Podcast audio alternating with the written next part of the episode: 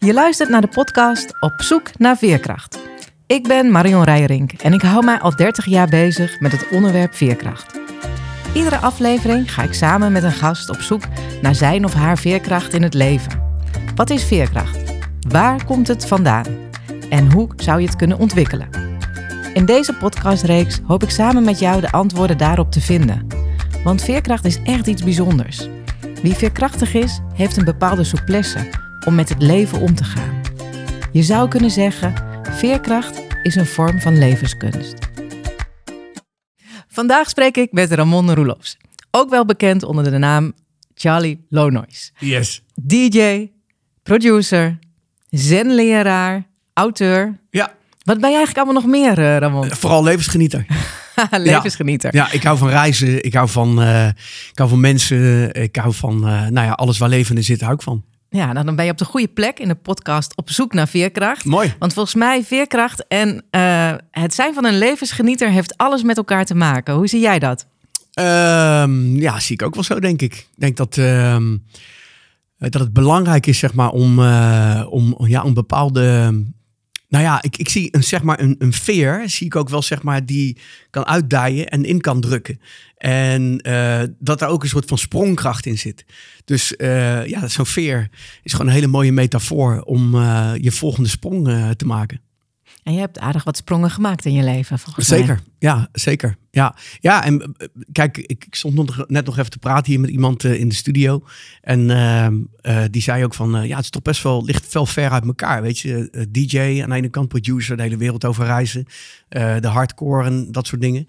En dan aan de andere kant ook ehm, dat hele meditatieve en ontspannen. ik zeg, ja, ja, ja klopt. Ja, het, het ziet eruit als een contrast, maar dat is volgens mij ook het hele leven. Ehm, dus ehm, ja, ik, ik zie het als een, ehm, als een verrijking, zeg maar. Maar beide, hè? zowel beide. Ik hou van het hele dynamische en ik hou ook van de rust. Ik heb het uiterste geleefd, dus het uiterste in de dynamiek. Veel gereisd, veel gedraaid over de hele wereld heen. Veel mijn, eh, mijn lichaam aan allerlei dingen onderworpen. Dus eh, door tijdzones heen gaan, maar ook echt gewoon, eh, ja, gewoon echt laat naar bed gaan. En ik heb niet zoveel met drugs gedaan, maar toch echt wel een heel heftig leven eh, geleid. En ehm, dus dat heb ik gedaan. Nou, daar werd ik niet helemaal happy van. Toen eh, kwam meditatie op mijn pad. Toen heb ik jarenlang eigenlijk eh, het leven van DJ geleid met meditatie als anker. Dat ging prima. Totdat ik op een gegeven moment een ervaring had dat ik dacht van ja, mm, wat nu? Eh, ik zat op een soort van eh, sprong ook weer van wat moet ik nu gaan doen met mijn leven? Toen ben ik zenleraar geworden. Toen heb ik extreem in de andere kant gezeten. Dus veel in de rust en echt extreem veel retretes gedaan. Soms wel eens tien dagen lang in stilte. Daar werd ik ook niet happy van. En eh, toen dacht ik, nou weet je wat, laat ik gewoon de middenweg gaan bewandelen. En af en toe als een soort danser op een koord, met een soort stok in mijn handen. Soms even naar links, maar altijd weer naar het midden toe. Even naar rechts en weer naar het midden. Zo eh, zie ik het leven. Ja, en zo combineer jij dus ook die verschillende uitersten. Ja, Ja. Hey, en wat is dan veerkracht precies eh, voor jou? Want je had het al over die veer hè, die terugspringt en die sprongen maakt. Kan je daar nog iets meer over vertellen? Hoe voor jou veerkracht dan precies werkt? Nou ja, het is, ehm, eh, het is in principe, denk ik, heel belangrijk dat je jezelf kent.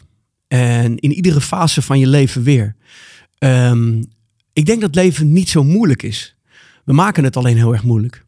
En op het moment dat, we, ja, dat, dat, je, dat je ervoor gaat zitten, dat je echt gaat zitten voor de vraag: wie ben ik op dit moment? dan kom je al heel snel terecht bij allerlei dingen die je jezelf hebt opgeplakt in een bepaalde fase van je leven. Want laten we eerlijk zijn, ik ben niet de Ramon die ik was toen ik een jaar of zes was. Ook niet de Ramon die ik was toen ik nul was. Ook niet de Ramon eh, van eh, tien jaar geleden. Het leven verandert continu. En het is heel belangrijk om jezelf die vraag continu te stellen. Dus de veerkracht ligt erin om jezelf continu de vraag te stellen: ja, wie ben ik op dit moment? Ja, en wat ik je dan hoor zeggen, hè, want je zegt ook van ik ben niet de Ramon die ik was toen ik zes was en, en op al die andere momenten, is dat je ook loslaat alle ehm, beelden die je daar opgeplakt hebt over jezelf, wie je toen was of wat je hebt meegemaakt, dat je dat niet bent. Ehm, klopt dat of niet? Ja, wat ik. ehm, kijk, beelden. Ik ben heel beeldend, heel visueel. Ehm, ik ben ook van reuk. Ik denk dat ik alle zintuigen, zeg maar, volledig benut in, eh, in, in mijn leven. En ehm, dat dat ook zeg maar mezelf naar bepaalde dingen toe leidt. Dus ja, met andere woorden, als ik verhalen vertel, kan ik heel beeldend vertellen. In een soort van storytelling ook wel. Iedereen heeft een story. Alles wat achter je ligt, dat is de story. Maar wat is nou datgene wat er uh, wat next step is? En daarin gebruik ik ook beelden. Ik visualiseer, ik affirmeer. En op die manier plan ik mijn toekomst? Nou, we hebben het er net over gehad. Jij hebt mij twintig jaar geleden bijna geïnterviewd op een, op een feest. En toen uh, stelde je mij twee vragen. Misschien kan je ze zelf noemen. Ik ben het alweer vergeten. Maar... Ja, ja het, het, grappige was, een van, de, een van de vragen die ik je stelde is... Uh, en dat is dus echt 18 jaar geleden. En we zitten nu 20 jaar later. Of, nee, ik, ik stelde de vraag... Ik stel jou de vraag, ja. waar zie jij jezelf over 20 jaar? Ja. En nu is het precies 18 jaar later. Ja. Bijna op de maand af. Ja. En uh, de antwoorden, twee antwoorden gaf jij uh, toen. Je zag jezelf nog steeds als DJ. En uh, je had het over building your spiritual life. Dat ja. interview was in het Engels. Ja, nou, ik heb, daar kan ik twee hele, hele belangrijke dingen over zeggen. Het eerste, muziek. Ik ben nog steeds DJ. Ik draai nog steeds zij minder als toen de tijd. Toen de tijd draaide ik gewoon 250 optredens per jaar. Um, ik was 13, toen had ik een beeld. Ik kwam in een, uh, een sociëteit onder een kerk, kwam ik binnen. En daar stonden DJ's te draaien. Was, nou, ik was 13 jaar, ik zag die DJ's achter die draaitafels en ik wist, dit is wat ik wil. Ik wil daar gewoon alles voor doen om dit te gaan doen. Um, en dat, dat heb ik zo goed en zo kwaad als het ging, heb ik dat beeld gevolgd. Daar was veerkracht bij nodig. Want uh, mijn ouders zeiden: Ach ja, het is best lastig. Best lastig om, uh, om, om DJ te worden. Mijn vader zei dat vooral. Die zei van: Weet je, dus alleen alleen voor de happy few, weet je wel. En ja, moet je niet gewoon een vak leren? Nou ja, dat heb ik ook gedaan. Weet je, ik heb ook braaf, braaf een vak geleerd. Maar in mijn vrije tijd deed ik altijd wat ik zelf wilde. Ja. En mijn moeder zei: Je moet vooral je hart volgen. Daar ben ik haar heel erg dankbaar voor. Want juist daardoor heb ik ook de veerkracht gevonden om zeg maar nou ja, om mijn droom te, te, volgen, om de beelden te volgen die ik al heel snel had in mijn, in mijn jeugd. En ik weet nu dat er veel mensen zijn die geen beelden hebben in hun jeugd. En die op latere leeftijd beelden krijgen, of misschien helemaal niet. Dus het is iets heel bijzonders als je beelden krijgt van je toekomst. Want als je een beeld hebt, dan weet je waar je naartoe wil. Um, ik heb ook meegemaakt dat mijn passie, mijn DJ'en en mijn, mijn alles eigenlijk eh, me boven het hoofd uh, groeide. Dat was in 1996 en in 1998. Waarin twee momenten waren. 96, eerste moment dat ik oud ging op de bühne. Um, toen, uh, ja, toen had ik zoiets van, jeetje, wat gebeurt er nu? En eigenlijk was ik ook blij dat dat, dat gebeurde. Want ik was alleen maar aan het gaan. Ik deed 350 gigs per jaar. Ik produceerde. Ik had miljoenen deals met platenmaatschappijen. Dus ik moest gewoon gaan, weet je. Van mezelf. Um, en toen ja, was er een moment dat ik dus oud ging op de bühne. En toen dacht ik van jeetje, uh, er moet iets gebeuren. Nou, toen ging ik sporten, boksen.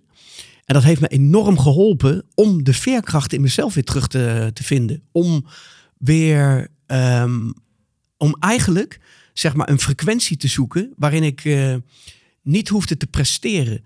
Waarin ik alleen maar kon zweten en, en iets deed wat, wat, wat een prestatie was, niet voor geld, maar wat gewoon, gewoon goede energie opleverde. Zonder dat er iets tegenover stond. En heel fysiek. En heel dus fysiek. Echt, uh, als, als we het hebben van mensen weten, ik hou heel erg van, van het whole person paradigm, zoals Kofi dat zegt. Hè? Mhm. Fysiek, emotioneel, mentaal en spiritueel. Ja. Dan, dan ben jij heel erg aan de slag gegaan met dat fysieke deel, om je, ja. om je lijf weer echt te voelen. Ja, echt mijn lijf te voelen. En dat, ik voelde dat ook wel op de bühne.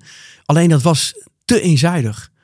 Met heel veel prestatie en met, met uh, nou ja, eigenlijk ook een, uh, ja, eigenlijk ook wel extreem en excessief gewoon gaan, weet je. Uh, eigenlijk een soort tunnelvisie. Nou, en daar moest ik uit. Daar kwam boksen en dat, dat hielp me onwijs om lekker te zweten, om allerlei dingen los te laten. Maar niet veel later bracht het leven me een nieuwe uitdaging. Mijn stiefvader kwam te overlijden. Ik had mijn biologische vader al uh, verloren toen ik 19 was. En die, uh, zeg maar, toen mijn stiefvader kwam te overlijden, bracht dat ook weer de bubbel omhoog van mijn biologische vader. Dat had ik niet goed verwerkt. Nou, dus ik stond een soort van onbewuste vraag naar de kosmoshuis van, wat de fuck is leven, wat is dood? Weet je, ik begrijp het niet meer, help me. Nou ja, toen kwam er een boek op mijn pad, Zen en Management. ging over twee Duitse managers. Die uh, hadden een retraite gevolgd in een uh, klooster in Japan, in een tempel. En uh, half jaar, daar hadden ze een boek over geschreven. Ik las dat boek in één adem uit. Las nooit boeken, alleen maar Suske en Wiske in mijn jeugd en zo. Um, en toen, um, ja, toen las ik dat boek en ik kreeg onwijs energie ervan. Ik wist niet zo goed waarvan, maar ik kreeg onwijs energie. Nou, toen dacht ik van, dat moet ik leren. Dus toen ben ik een cursus gaan volgen. Ik kwam binnen bij die leraar wat nog steeds mijn maat is, uh, 20 jaar geleden, 21 jaar geleden. En uh, ik zag die leraar zitten op dat kussen, mediteren in die uh, moeilijke houding. En die rust en, en dat, dat, dat, dat sereniteit wat dat uitstraalde. Ik dacht, dat wil ik ook. Ik zag mezelf weer daar zitten. Dat was het tweede belangrijke beeld wat ik zag voor me in mijn jeugd. Ik dacht, ik wil ook zijn meester worden. Nou ja, en we zijn nu 21 jaar verder. Ja, wat geweldig. Hè? Dus wat je, wat je zegt, hè? Want, want die beelden, hè? dat gaat daar heel even op in. En het gaat over toekomstvisie. Hè? Het gaat over dat je jezelf echt ergens visualiseert en dat je denkt van hier wil ik het voor doen. Ja. En dat het ook in lijn is met je, met je waarden, met, met ja, het is eigenlijk een soort missie die je zelf bijna, bijna toekent hè, op dat ja. moment. Ja, eigenlijk wel. En uh, ja, dat, dat, dat gaat met vallen en opstaan. Hè? Dus daar komt ook weer die veerkracht bij kijken. Als je jezelf gewoon maar vasthoudt aan het beeld wat je van je, van je toekomst uh, hebt. En wat, wat je eigenlijk van jezelf hebt, je zelfbeeld. Dan uh, brengt, wil niet zeggen dat het allemaal van een leien dakje gaat.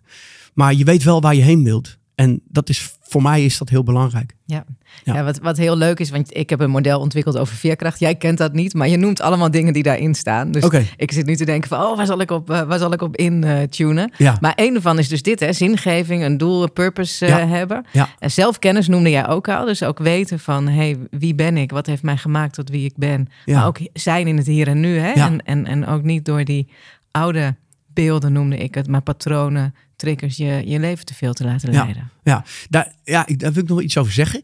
Kijk, uh, het is belangrijk dat je, dat je weet wie je bent. Maar misschien is het nog wel veel belangrijker dat je weet wat je niet bent. En we hebben vaak een beeld van onszelf met betrekking tot uh, uh, de maskers die we zeg maar dragen. Maar als we alle maskers afgooien, wat blijft er dan over? Ja. Dat is een hele goede vraag die je jezelf kan stellen. Ja. Ja. ja. Ja, nou, en, en, en daar gaan we natuurlijk geen antwoord op geven, want dat is een vraag die je zelf moet stellen. En, Zeker. en dat is fijn om dat in, uh, in, in stilte te doen. Ja, uh, ja of, in, of in, een, uh, in een diade, kan ook nog. In een diade, vertel eens. Nou, diade is iets wat ik vijf jaar geleden heb ontdekt. Wat een heel mooi proces is, een heel mooi versneld proces naar datgene wat je bent zonder alle maskers. En dat, een diade is ongeveer een dialoog, alleen komen er dan spelregeltjes bij kijken. En dat doe je dan in 40 minuten. 40 minuten is echt de tijd van een, een diade. Daarom noemen ze het zo een diade. De spelregels zijn dat je elkaar telkens 4,5 minuut de vraag stelt: vertel me wie je bent. Daarmee hou je oogcontact met elkaar. En de ene keer antwoord ik en de andere keer 4,5 minuut antwoord jij. En het enige wat je doet is dus zeg maar of de levende spiegel zijn of de verteller zijn.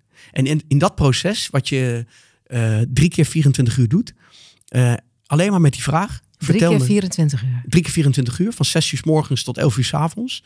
Met allerlei dingen uh, nog daarnaast. Je wandelt en, en, alles. Je hebt meditaties, yoga, dat soort dingen meer. In dat proces, um, ja, dat is zo krachtig om alle schillen af te werpen en tot de kern te komen. Eigenlijk geen kern van datgene wat je bent. Wauw, Ja. die, die ken ik niet, maar het klinkt Ja, echt... eh, Echt uh, to the bone. Ja. En wat heeft dat jou gebracht? Nou ja, niks. Dus Ja. eigenlijk uh, datgene waar het over gaat. Ja, ja, ja, ja, ja, ja, fantastisch. Ja. Hey, en wat ik me nog, wat ik me nog afvroeg, hè, want ehm, in de eerste aflevering, in de proloog, heb ik iets eh, verteld over wat veerkracht voor mij is. Mhm. En eh, heb ik eigenlijk ook eh, verteld dat het voor mij niet alleen gaat over omgaan met tegenslag, wat je in bijna alle definities over het algemeen ziet, maar dat het ook gaat over een souplesse waarmee je met het leven om kan gaan, wat je ook kan inzetten als het gaat over bijvoorbeeld omgaan met succes. Ja. Nou, nou zit ik hier met jou. Jij vertelde net al het leven waar je op een gegeven moment in zit. Alles wat je meemaakt, alles wat er op je afkwam. En ik ben wel benieuwd om eens met jou ook te verkennen. Hoe, hoe zie jij dat? Eh, heb je ook veerkracht nodig om om te gaan met succes? Eh, ja. ja, dat denk ik wel. Ehm,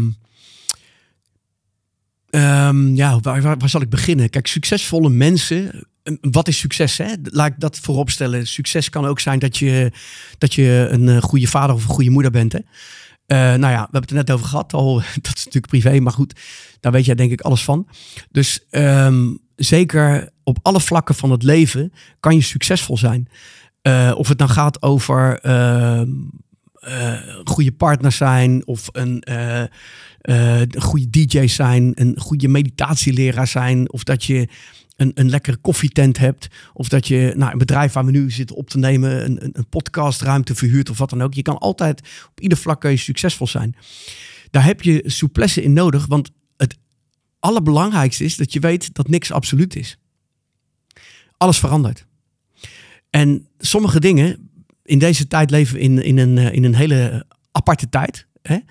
Ehm, in die tijd heb ik ook geleerd dat sommige dingen op je pad komen en dat dat geweldig is eigenlijk. Ik heb zoveel geleerd in de tijd dat ik, uh, dat ik thuis zat met corona. Uh, corona gehad, maar ook in de tijd dat we, ja, dat we niet naar buiten mochten, hè, dat je die, die uh, avondklok had. En dan dacht ik van, maar dit heb ik mezelf eigenlijk altijd opgelegd. Ik ging naar kloosters om dit soort dingen te doen. En ik vond het heerlijk om de stilte op straat te ervaren.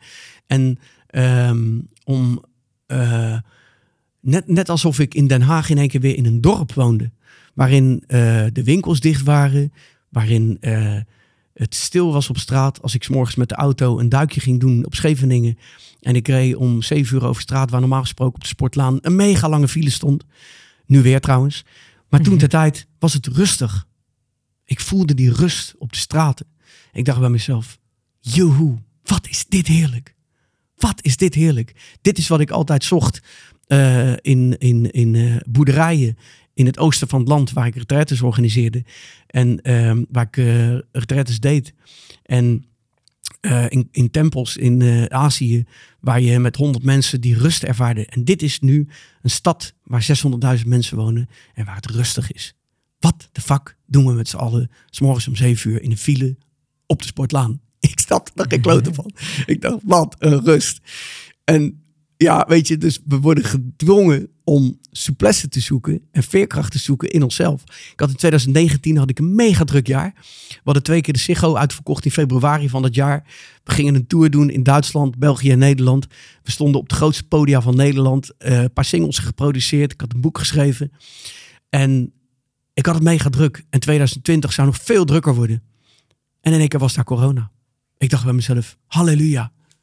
Als er een God is, dankjewel. Want dit komt als geroepen. Ik had het eigenlijk zelf moeten bedenken. Maar in mijn hezzel was ik het gewoon helemaal vergeten. Maar dat is wel interessant, hè? Want je kan het natuurlijk ook zelf bedenken. Zeker. En toch blijf, blijven we, ik bedoel, ik doe daar net zo goed aan mee, hè? blijven we doorgaan in die stroom en allemaal leuke dingen, enthousiast over, overal inspringen. En dan toch door corona stilgezet worden en denken van, oh, ja. hè, het, het brengt ook zoveel, hè? Zeker, ja. En dan toch nog even terug naar dat succes. Want ik snap helemaal wat je zegt. Hè? Het is natuurlijk ook zo dat je succesvol kan zijn als moeder, als partner, uh, in, in je koffietent, et cetera. Maar jij had wel een ander soort succes. Hè? Je was uh, beroemd, je was bekend. Er liepen uh, allemaal mensen die misschien iets van je willen, die, die je leuk vinden omdat je beroemd bent. Ik, ik weet niet precies hoe dat werkt. Maar ik kan me voorstellen dat dat voor jou ook nog wel wat extra's vroeg als het gaat over, over veerkracht. En ik wil ook nog even met je daar naartoe. Nou ja, goed. Um, de veerkracht die ik heb moeten, moeten tonen, die ik heb moeten leren, dat was vooral zeg maar um, op het gebied van alle excessen achter me laten. Um, ik heb excessief in seks uh, gezeten. Uh, toen ik op een gegeven moment op pad was uh, als DJ, ging ik gewoon, nou ja, de stress van me af wippen. Om het zo maar te zeggen. Weet je, als ik op een locatie aankwam, kwam ik in een, uh, in, in, in een club of op een party kwam ik binnen. En ik was gelijk aan het scannen van wie kan ik uh, het bed in krijgen. Of uh, achter de, was, was niet eens een bed, was gewoon achter de bühne, weet je wel. Dus ja, dat heb ik moeten leren. En dat heb ik geleerd op een gegeven moment toen ik mijn sabbatical nam. Sabbatical 2005. Toen, uh, nou ja, toen had ik een ervaring ook weer uh, na een onwijs heftige periode van alleen maar gaan van 2000 tot en met 2004. Waarin ik uh, alleen maar aan het produceren was, aan het draaien was. Ook weer 2000 of 200 plus gigs per jaar over de hele wereld. En het was allemaal super vet. Ik heb onwijs genoten. Maar er was een moment waarop ik een een, een, een, ehm, ik deed een, uh, even kijken, wat was het ook weer? Oh ja, ik, ik had een, een opname van een video in Daytona Beach. En daar kwam ik van terug. Ik sliep op uh, Schiphol achter de douane in een hotelletje. En ik had iets van vijf uur geslapen en ik werd wakker en ik ging in een sushi bar zitten, een ontbijtje doen. En ik zou doorvliegen naar Linz in Oostenrijk. En in één keer begon heel Schiphol omheen te draaien. Ik werd onwijs duizelig en ik dacht, jezus, ik krijg weer zo'nzelfde ervaring als die ik in 96 had. Negen jaar daarvoor.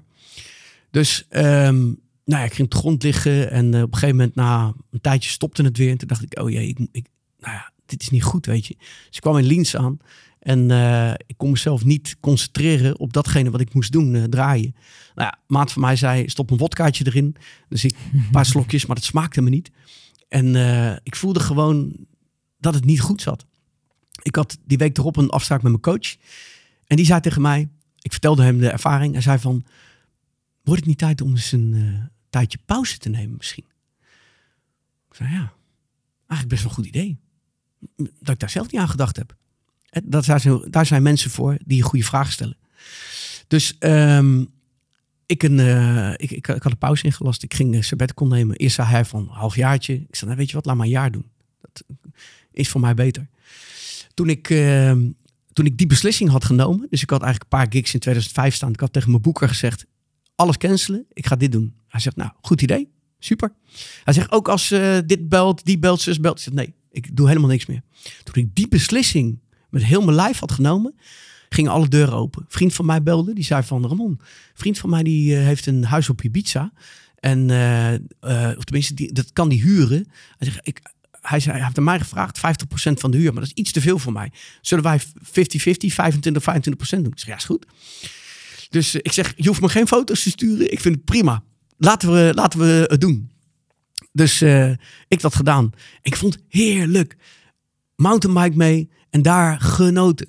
Dus um, veerkracht hangt ook wel af om echt beslissingen in je leven te nemen. Om echt te zeggen van, en nu ga ik dit doen. Want als je, als je half in iets blijft hangen, dan zit je toch nog met één been, met één voet met één teen, zit je in dat leven. Dus ik wilde echt een jaar lang, wilde ik onderzoeken, wie ben ik nou eigenlijk zelf, weet je? Wat is er nog meer? Over die muur kijken van Charlie Lonois en kijken wat er nog meer in de wereld is. Dus dat ging ik doen. En ik had echt afstand genomen van dat DJ-leven. En uh, ik had dingen opgeschreven voor mezelf. En dat werd zo mooi dat ik dacht van, misschien is het wel leuk om een boek te schrijven echt. Dus ik ging onderzoeken van, ja, wat is er nou nodig om zo'n boek uit te brengen. Dus ik had een paar hoofdstukken had ik klaar. Eén hoofdstuk naar een, uh, naar een uitgeverij gestuurd. Of naar drie uitgeverijen. Van twee hoorde ik niks. En één die schreef een brief, die zei van, of een e-mail destijds. Van ja, dit is niet wat te zoeken, dus helaas. Nou, toen zei ik tegen mijn leraar, ik was een beetje van, ja, kloten, wat moet ik nu doen? Ik had me zo verheugd. Toen zei hij, maar waarom doe je het niet zelf? Ja, ik had in één keer weer een nieuw doel. Ik zag het al helemaal voor me. Dus ik ben gaan uitzoeken hoe dat allemaal in zijn werk ging. En uh, uiteindelijk heb ik het boek zelf uitgebracht, Autobiografie van een DJ. En uh, dat kwam uit in 2007. En het leuke was, omdat ik het zelf uit had gebracht, wist ik in één keer hoe dat allemaal ging. En wist ik ook hoe dat precies allemaal in zijn werk ging en wat, er voor nodig was. Uh, maar er kwamen ook hele mooie dingen op mijn pad daardoor niet veel later belde een gozer mij die zei... Ramon, ik heb je boek gelezen. Ik ben van Media Geniek. We zouden graag een documentaire willen maken over jouw leven. Geweldig. Ik doe mee. Uh, gesprek gehad met ze. En uh, zodoende is er in 2009 een, uh, een documentaire uitgebracht. Oh, die is bij ja. de boeddhistische omroep uitgezonden. Ja. ja. En ik realiseer me opeens, volgens mij was ik nog op jouw boeklancering. Oh, ergens in een in Scheveningen. In de Ja, ja, ja, ja. Ja, de kluis. Ja, ja in het centrum. Ja, klopt. klopt inderdaad. Leuk. leuk. Ja, grappig. Vond ik heel spannend hoor. Ja, ja. ik weet het nog. Want het is echt wel lang geleden. Hey, en, en wat, ik nou zo, wat ik nou zo leuk vind, hè, want je vertelt over uh, corona, hè, wat je stop heeft gezet. Dan, ik zie je zo liggen op Schiphol uh, op de grond bij de sushi bar. Ja. Nou, dat is ook zo'n moment geweest. Maar het komt ook elke keer wel ver. Hè? Dus, dus het lijkt ook wel alsof er iets, iets nodig is om het dan weer stop te zetten. Herken ik ook een beetje in mijn eigen leven, hè? want ik ben uh, door corona ook goed stopgezet. Ik ben uh, een vaste opdracht uh, verloren, hè? Waar, ik, waar ik vier dagen, drie, drie, later vier dagen in de week directeur was. En ja, ik werd echt stopgezet. Ik heb een half jaar lang echt daarvan moeten bijkomen op verschillende vlakken. En nu denk ik van, hoe heb ik het zo ver laten komen? Ja. Eh, als ik daar nu op terugkijk. Hè? En dat hoor ik ook een beetje uit, jou, uh, uit jouw verhaal. Klopt dat? Ja, ja, ja, ja. Ik denk dat het, dat het, uh, ja, dat, dat het belangrijk is om, ja, om soms gewoon ook ervaringen te hebben. Waardoor je weet van, kijk, everything which doesn't kill you makes you stronger. En dat is nou eenmaal het leven. Weet je, dus je hebt goede ervaringen, minder goede ervaringen. En die minder goede ervaringen zijn eigenlijk ook heel goed. Dus als je uitzoomt, dan zie je het grote geheel. Het is, het is makkelijk om bijvoorbeeld uh, happy ervaringen mee te maken. Maar ja, waar leiden die toe? Meestal is de bodem is echt waar je leert. Dat is mijn ervaring. Mijn bodems zijn de grootste, grootste leermeesters. Want juist daarin is er ruimte. Ik zeg altijd op de bodem is onwijs veel ruimte. En uh, die bodem die moet je zelf af en toe ook even opwekken. Want um, ik kan me nog herinneren dat ik voor de eerste keer een... Uh, een zen-weekend deed, daar heb ik echt wel de bodem aangetikt. Maar daar heb ik ook onwijs veel geleerd. Toen ik de eerste keer een Vipassana deed, toen, dat was een tiendaagse, toen heb ik verschillende keren de bodem aangetikt. Maar ik heb onwijs veel geleerd. Toen ik een ayahuasca-sessie deed, heb ik ook de bodem aangetikt. Maar ik heb wel onwijs veel geleerd. Toen ik een uh, Enlightenment Intensive deed in Italië voor de eerste keer, toen heb ik daar echt wel een paar keer flink zitten huilen. Maar ik heb daar ook onwijs veel van geleerd. Dus ik denk dat het, uh, dat het gewoon als mens heel belangrijk is dat je af en toe even flink afziet. Om, uh, nou ja, eigenlijk zegt het woord het al, dat je afziet van alles wat zo routinematig is en wat zo vertrouwd is. En wat je altijd maar, uh, dat, bakje koffie uh, s morgens, wat je hè, weer even die kick geeft, die verslaving. En dat er even die verslaving stilt, weet je wel. Maar daarvan af te zien, even tien dagen. Even van de pindakaas af te zien, van je vertrouwde broodje, van ehm, allerlei dingen. En juist daarin te zien wat daaronder ligt. En daarin ook tot die ervaring te komen van, ja, wie ben ik nou eigenlijk? Ja, en wat mooi is, hè, wat jij zegt van uh, de bodem raken. Jij noemt allemaal dingen die ik ook herken, hè, eh, van, van mijn ervaringen, Vipassana, noem het allemaal op. Hè. Dus de bodem raken in dat soort uh, um, ja, bijna zeggen, wil bijna zeggen georganiseerde momenten. Maar het gaat mhm. natuurlijk ook over de bodem raken in het echte leven. Hè? Want je vertelde ook over het overlijden van je stiefvader. Ja. Ik kan me voorstellen dat dat ook allemaal momenten zijn geweest waarop je uh, niet georganiseerd ook de bodem geraakt hebt. Ja, zeker. Ja, dus uh, ja, soms dan heb je momenten.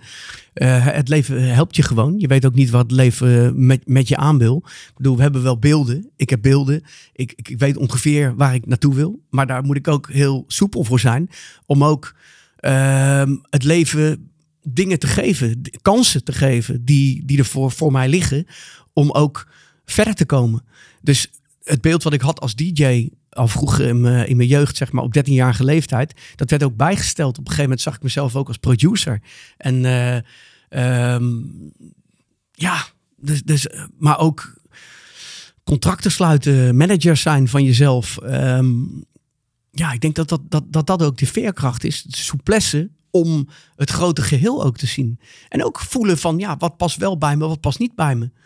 Zo heb ik mensen ontmoet waarbij ik een goed gevoel had. Maar ik heb ook mensen ontmoet waarbij ik, waarbij ik dacht van, ja, jouw energie voelt gewoon helemaal niet goed. Dus uh, ben, ik ook eerlijk tegen mezelf en ga ik niet met je in zee. Ja. Ja, en dan is eigenlijk is het zo dat je dan, als je het dan hebt over veerkracht, dan gaat veerkracht dus ook over de bodem durven raken. Zeker. En vertrouwen op je intuïtie. Ja, ja, absoluut. Ja, gewoon voelen van, ja, waar zit ik op dit moment? En uh, kijk, intuïtie is denk ik ook wel iets wat, wat, wat ook verandert. Um, intuïtie is van, eigenlijk is voor mij niets helemaal vast. Alles wat vast is, daar twijfel ik aan. Want voor mij is vastigheid is gewoon iets wat niet bestaat. Weet je, uh, uh, daar kan ik heel diep over filosoferen. Misschien dat we daar dadelijk op nog komen. En als het niet zo is, is het ook goed. Maar uh, alles wat vast is, is voor mij ja, betwijfelend. Dus um, ja, ik denk dat dat belangrijk is om te zien. Ja, dat is dan heel leuk dat je dan weer ongemerkt toch weer een, een pilaar uit, uit mijn model aantikt. Namelijk flexibiliteit. Ja, ja, ja, ja, misschien is dat wel inderdaad uh, flexibiliteit. Dat is wel iets wat ik in je hele verhaal terughoor. Een enorme flexibiliteit om om te gaan met omstandigheden. Ja, zeker. Nou, ten diepste, om het even, even heel concreet te trekken. Uh, wij praten met elkaar. Wij zijn twee energieën. Maar wat, wat zijn we echt? Wij zijn eigenlijk, uh, we bestaan uit water, uit vuur, aarde, lucht en bewustzijn. Die vijf dingen zijn altijd aanwezig, overal. Dat zijn, de, dat zijn de leading purposes of wat hier zo gebeurt. Weet je? Datgene waaruit wij zijn gemaakt, is datgene wat maakt, wat creëert, wat schept. Dus, maar het grappige is ook dat dat waren wij ook voordat wij deze vorm aannamen. En dat zijn wij ook als de vorm voorbij is. Dus eigenlijk is de vraag: zijn we ooit geboren, gaan we ooit dood? Dat is de grote vraag. Voor mij is het, is, is het antwoord nee. Er is een altijd, er is altijd iets wat doorgaat, wat altijd is. Dat is niet vast, maar het is er wel. En dat is, dat is niet in. in uh, eigenlijk zouden we moeten luisteren naar het wit tussen de woorden. Ja, ja. ja. Dat, dat, dat is waar, waar meditatie over gaat. En waar zeg maar de diepte van de bodem over gaat.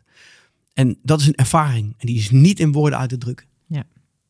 Ja, en, en dan, dan even een, een, een persoonlijk verhaal. Ik zat zelf vorige week in een, in een eh, retraite.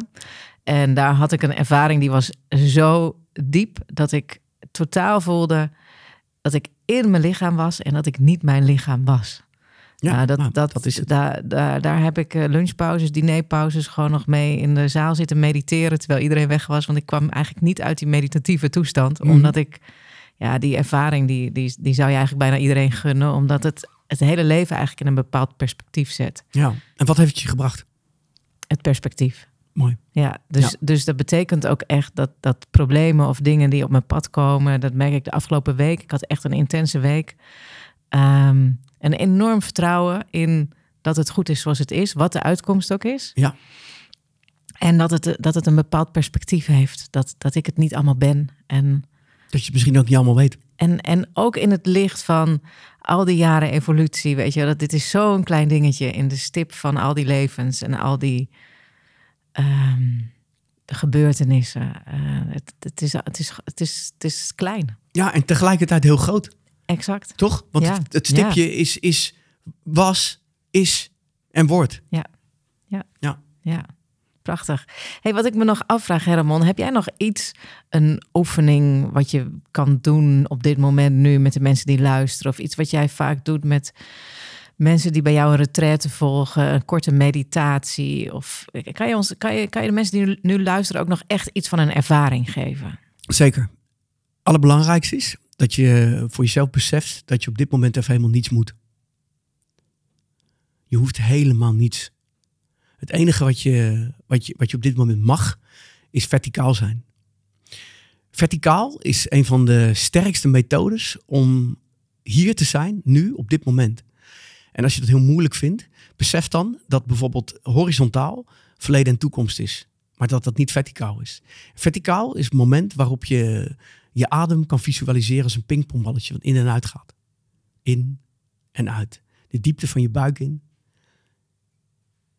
En zo weer naar buiten. En weer naar binnen. En weer naar buiten. En weer naar binnen. En weer naar buiten. In en uit. En datgene wat in en uit is, dat is wat je bent.